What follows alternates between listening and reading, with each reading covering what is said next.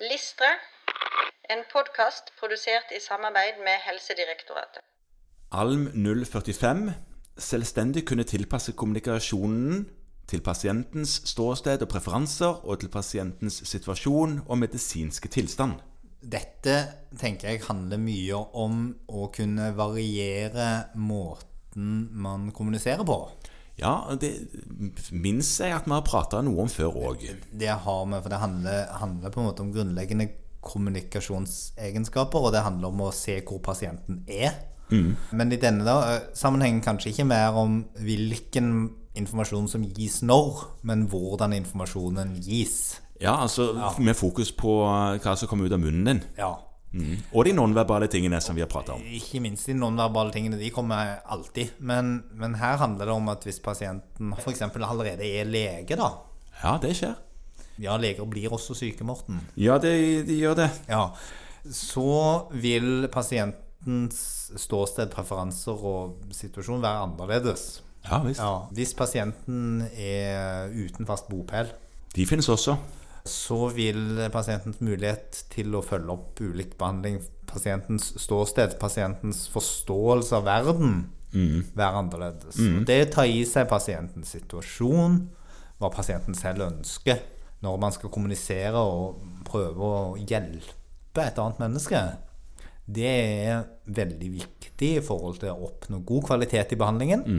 Og etterlevelse og det med, med et flott ord kaller for adherence, altså Ja. å ta til seg behandlingsløpet hos Ja. pasienten.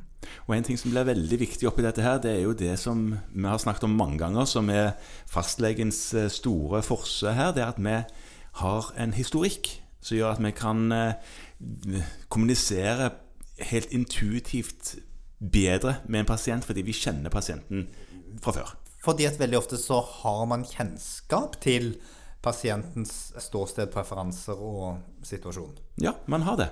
Av og til trenger vi ikke spørre om det, fordi vi vet hvordan det er. Ja, og av og til trenger vi ikke tenke over at vi gjør det heller, fordi at eh, vi kjenner personen. Det er akkurat som om du snakker ikke likt med alle de eh, du har som kompiser heller, Kristian. sant? Du vender litt grann kappen etter vinden, Bitte litt. vil jeg tro. Ja. I tillegg så er det vel sånn at pasienter òg er forskjellige etter hvor mye informasjon de er ute etter når de besøker lege. Ja, noen vil jo vite alt, ned til minste detalj. Ja, ja. Uansett. Ja, Og noen blir livredde om legen ringer, og helst ikke svarer på telefonen fordi de har ikke lyst til å ha noe informasjon. Nei. Og, og da er det en at du er klar over dette og vet det og kan tilpasse informasjonsmengden. Mm. Og så har du også et mandat og en plikt til å, å informere på en rimelig måte uansett, sånn at pasienten er informert. Ja, og noen ganger så er det jo faktisk sånn at eh, dersom du er usikker på om dette er en pasient som gitt budskapet vil klare å få med seg alt, så kan det være greit å kanskje spørre om pasienten kan ta med noen som pasienten har lyst til å ha med på konsultasjon. Det kan òg være et moment. Det er et godt eksempel på at eh, du i hvert fall må forsikre deg om at informasjonen så langt som mulig er gitt og forhåpentligvis forstått. Ja. Dette er òg aktiviteter som man skal bruke tid på å lære seg i eh, gruppeveiledningen. Ja. Gjennom eh, videokonsultasjonene, både egne og andres. Ja. Og så er det et godt tema for, for felleskonsultasjoner. ja. Å ta opp i seg og se at man på en måte har fått fylt kravene til læringsmålet. Det vil bli drøftet på kurs, på grunnkurs A.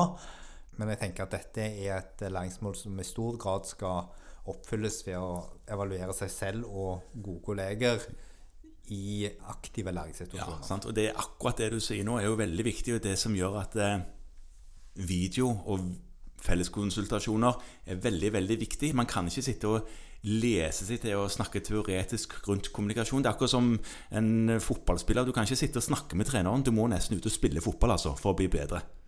Hjelper det? Det hjelper.